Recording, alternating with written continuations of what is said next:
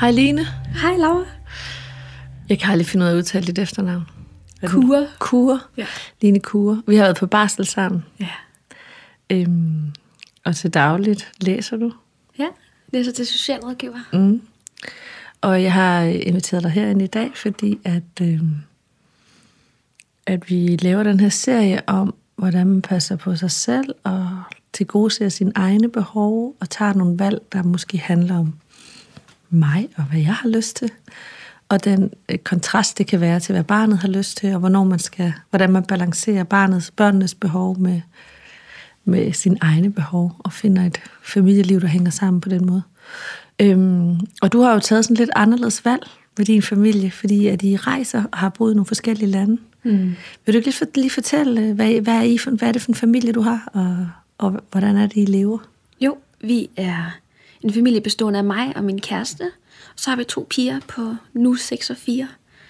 Og øh, lige fra min yngste var helt lille, der, der det skal siges, at vi, hun var en af de børn, som kom lidt tidligere til verden end planlagt, og, øh, og vi skulle have solgt alle vores ting og flyttet til USA. Og så blev vi lige pludselig gravide, og så tænkte jeg, jamen, øh, hvordan gør vi det så? Jamen, så må det blive en barsel i USA. Vi kan ikke flytte til USA nu. Og, og der er startet vores rejse, rejseliv med børn. Så det var, så, du var på barsel i USA? Jeg var en måned på barsel i USA. Ja. ja med fem måneder gamle Amanda. Øhm, og hendes far og vores bedste ven Grum. Og, øh, og, og alle sagde til os, det, det kan man ikke. Det, man kan da ikke. Og så spurgte jeg, hvorfor kan man ikke det? Øhm, og det var der ikke nogen gode svar på. Og så må der jo kun være en vej der, det kan man godt. Øh, og vi har så rejst siden, vi har været i mange lande. Vi har været i Thailand og Island, og så har vi også bosat os nogle forskellige steder, så vi har boet i fem måneder i Afrika, i Gambia, som er Nordvestafrika. Mm. Og her så til sidst har vi så lige været i New Zealand i et halvt år, hvor vi kom hjem for en uge siden. Så det, der nok gør os anderledes, det er, at vi, øh, vi, vi river vores børn ud fra deres hverdag, måske lidt oftere end andre gør. Ja. Øhm, ja. Men da du så kom til USA og var på barsel, var det så mega fedt? Eller? Det var mega fedt. Og, og du, du var, det var ikke, øh, du, du, du lå ikke øh, mandag aften og tænkte, fuck, de havde ret. Jeg skulle bare blive hjemme. øh, nej, jeg vil sige, at da vi missede en flyvemaskine, og vi sov en nat i en lufthavn med en fem måneders baby, der følte jeg måske ikke som jordens bedste mor. Øh, men når vi så lige havde grint lidt af det her ting, jamen hun har jo i virkeligheden alt, hvad hun skal bruge. Hun har sin mor og far, hun har sin mad, hun har sine omsorgspersoner, og hun har en tryg klapvogn at sove i. Og når man så kigger på dem, har hun brug for mere, og det er en nat. Nej. Og altså, så øh, kom vi igennem det, og så havde vi en fantastisk ferie. Okay, og hvor får du det overskud fra? Jeg tror, mit du græd over... ikke på noget tidspunkt, det er den lufthavn? Nej. Jeg tror, mit overskud er an, an, måske anderledes end andres. Hvor at andre har svært ved at se, hvordan man bare kan tage ud i verden på den måde, så er jeg svært ved at se, hvordan kan jeg overleve en til dag hjemme i den her lejlighed. Så hvor andre synes, det er svært at komme ud og komme omkring, synes jeg, det er svært at være inde og være Okay. Så mit overskud er ikke udfordret af at være udenfor og blive mødt af de der modstand. De er udfordret derhjemme, når jeg fronter mig selv. Okay. Ja. Hvad sker der så? Øhm, jeg tror, det har taget mig mange år at nyde mit eget selskab, simpelthen. Der har været for meget plads til tanker og usikkerhed og normer og øhm, alle mulige ting, man skal leve op til. Hvor at jeg nogle gange i virkeligheden trives bedst, når vi er udlandet, fordi at der er vi typisk sammen med en masse andre, som har taget lige så, så anderledes fald i livet, som vi har. Og det giver en anden form for rummelighed. Øhm, mit oplevelse af at være mor i Danmark er, at et barn må sidde i autostol i højst en halv time, og så skal vi stoppe op, og så skal vi lave gymnastik med den, og så skal den ned og sidde, og så må vi køre en halv time igen, og så skal vi stoppe op igen. Og, øh, og de skal sove på ryggen, og de skal gå til stimulastik, fordi ellers så kan de kravle, og så skal vi have øjenkontakt hver gang vi ammer. Og, altså der er sådan en hel masse ting, vi skal. De skal sove udenfor, for ellers får de ikke frisk luft, og ramsen er lang over, hvad der ligesom fra jordmorssystemet og fra sundhedssystemet og fra vores naboer er, hvad er en god mor. Mm. Både i det sagte og usagte i USA, der sover børnene i deres autostole. Måske hele natten, hvis det er det, de gør. Og Øhm, der er nogle helt andre forhold til, hvordan man er sammen med sin baby på, og der var aldrig nogen, der kiggede skævt til os, når vi kørte langt i en autocamper med en baby, hvor i Danmark, øh, kan jeg huske, det var en enorm stor ting, det her med, hvorfor en autostol og så videre, men dernede, der var der slet ikke nogen kigget skævt. Der kiggede de til gengæld skævt over, at vi havde en klapvogn. Og det fik mig til at reflektere over, gud ja, vi er jo bare forskellige. Og der er forskellige kulturer, så nu vælger jeg at være den mor, jeg gerne vil. Og det bliver lidt mindre om, hver gang jeg er i udlandet. At bare fordi det er enormt i Danmark, eller på Vesterbro, eller i Sydhavnen, eller inden for mig og mit naboskab, så behøver det ikke at være svaret på en god mor. Øhm, og det tror jeg er en af grundene til, at vi som familie trives så godt i udlandet. Mm. Øh, for simpelthen få et break fra den danske hverdag med de danske normer, som jeg synes er voldsomme. Hvad, er din mand også påvirket af det? Nej. Okay. Han, øh, han er som udgangspunkt ikke påvirket af så mange ting. Han tager livet lidt mere afslappet, end hvad jeg gør. Okay. Øh, jeg, så kan han godt sådan rumme, at du stresser over de der ting? Er det noget, I deler, eller, øh, eller er det noget, du går med selv, når du er hjemme? Ej, jeg deler dem med ham, og han forstår, hvor jeg kommer fra, men han oplever ikke de samme ting. Mm-hmm. Øh, jeg sanser rigtig meget, hvad andre tænker og føler og synes, og har et enormt pleaser behov for at sikre mig, at alle omkring mig har det godt, og omvendt også, at alle andre omkring mig synes, at jeg er okay, og det er et enormt stort pres at ligge på mig selv. Og han sanser umiddelbart sådan en meter uden for sig selv, og det er der ikke noget galt i, men han, er, han hviler meget mere i sig selv, mm. og, og opdager ikke altid lige, hvad der foregår omkring ham. Øhm, og kan nogle gange blive helt overrasket, hvis jeg er stresset over et eller andet, for jeg måske slet ikke set, at der var et eller andet, der var omkring ham. Okay. Der kan næsten være et masse slagsmål omkring ham, og han kan være sådan lidt, ah, var der nogen, der var uvenner? Altså, han, han sanser ikke de der ting. Nej. Nej. Okay. Spændende. ja. Okay, øh, jeg er sådan lidt, øh, måske fordi jeg selv er lidt ramt af, af, de her mornormer, kan du ikke øh, liste alle mulige anderledes mornormer op fra alle mulige andre lande? Jo, jo. Kan du ikke, øh, hvordan gør det i Gambia? I Gambia, øh, der bærer man på børnene. Men der var en dag, jeg blev rettet på, fordi jeg bare, bare, bare mit barn på maven. Og så var der nogle damer på gaden, der stoppede mig op og sagde, no, no, no, no, on the back, too big for stomach.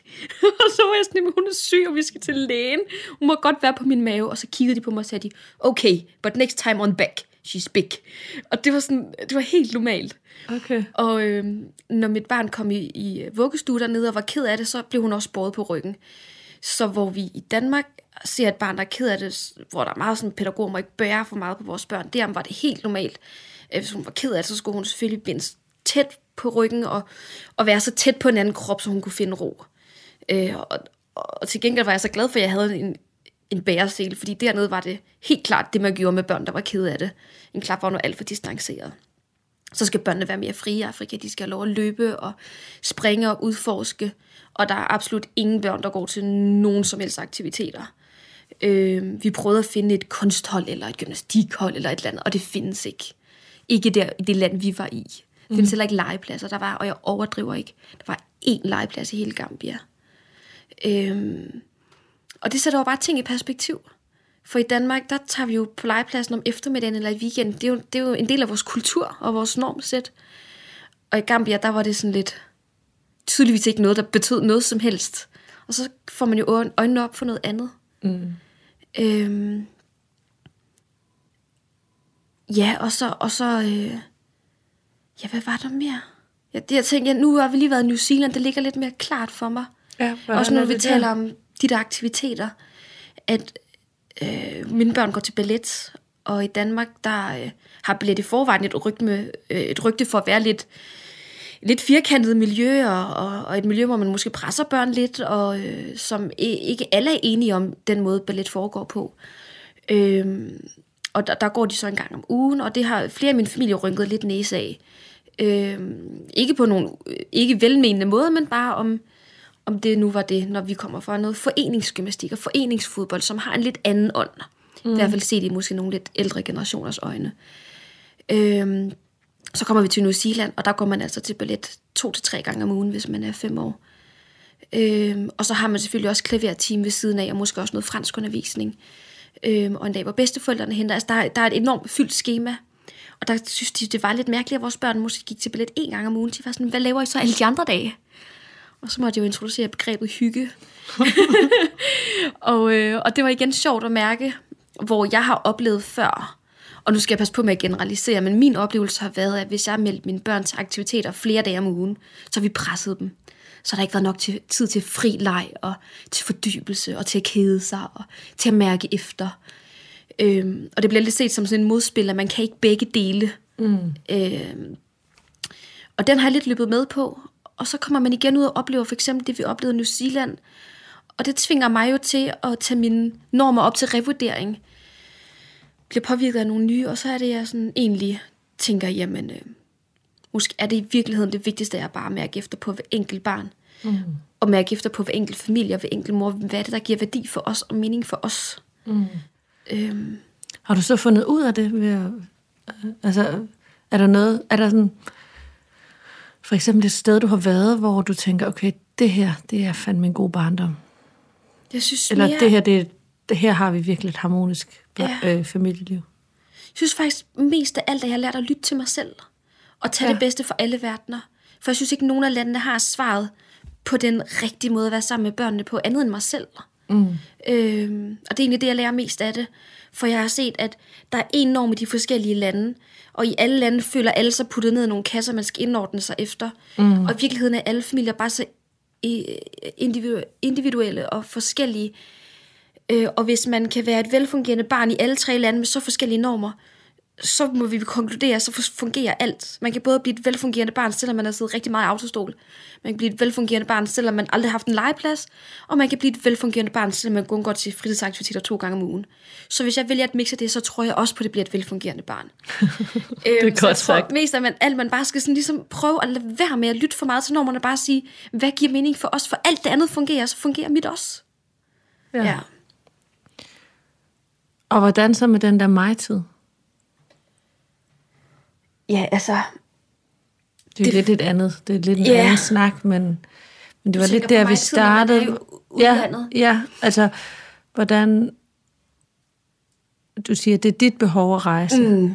Og du kan nogle gange have dårlig samvittighed over, at øh, du putter dine børn igennem alt det ja. rejseri, ikke? Øh, og det gør du, fordi det er dit behov at rejse. Ja. Hvordan balancerer du det der med mine behov i forhold til... Altså, hvordan... Hvad, hvad siger du til dig selv? For ligesom at retfærdiggøre det, og hvornår bliver ja. du i tvivl om, det er en god beslutning for dine børn? Og hvornår ja. tænker du, det er sgu godt det her? I virkeligheden så tænker jeg, at der er ikke nogen, der ved, om det er godt eller skidt, før om 20 år, når de skal have deres egne børn, og, og, og de skal reflektere over deres barndom. Før det kan jeg ikke vide, hvad de synes om det. Mm-hmm. Øhm, men dermed ikke sagt, at man ikke skal stile mod at gøre noget, man synes, der er godt for sine børn, men jeg synes, det er utroligt svært at vurdere, om, om jeg tror ikke, jeg kan se, om det har været godt for dem, før de er blevet voksne, og jeg kan se, hvad for nogle mennesker de er blevet, og hvorfor mm. nogle valg træffer de. Mm. Øhm, men jeg prøver at fokusere på de ting, de får med, for der er helt klart en masse udfordringer for dem. Amanda er seks år og gået på tre forskellige skoler i tre forskellige lande. Mm. Øh, det, det er voldsomt, men man kan også gøre det mindre voldsomt ved at vil at være der og gøre det på en ordentlig måde, når det så er. Øhm, det jeg retfærdiggør det med, det er, at de har for eksempel lært engelsk, og det har været en enorm gave for dem. De er utrolig rummelige. Jeg har, har set nogle barske sider af livet i Afrika. De har set nogle øh, fantastiske naturoplevelser i New Zealand. De har fået noget med, som på et nok senere et mere ubevidst plan ligger i dem. Familiebåndet at være så tæt sammen i et andet land – er enormt stærkt.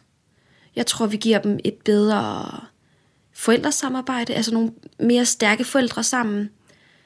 Øhm, Tobias og jeg mødte en krise, da vi var i New Zealand, og jeg kunne ikke bare give ham sparket og sige, flyt hjem til din søster nu, jeg har brug for en uges fred. Og en vej, at det var at løse det sammen.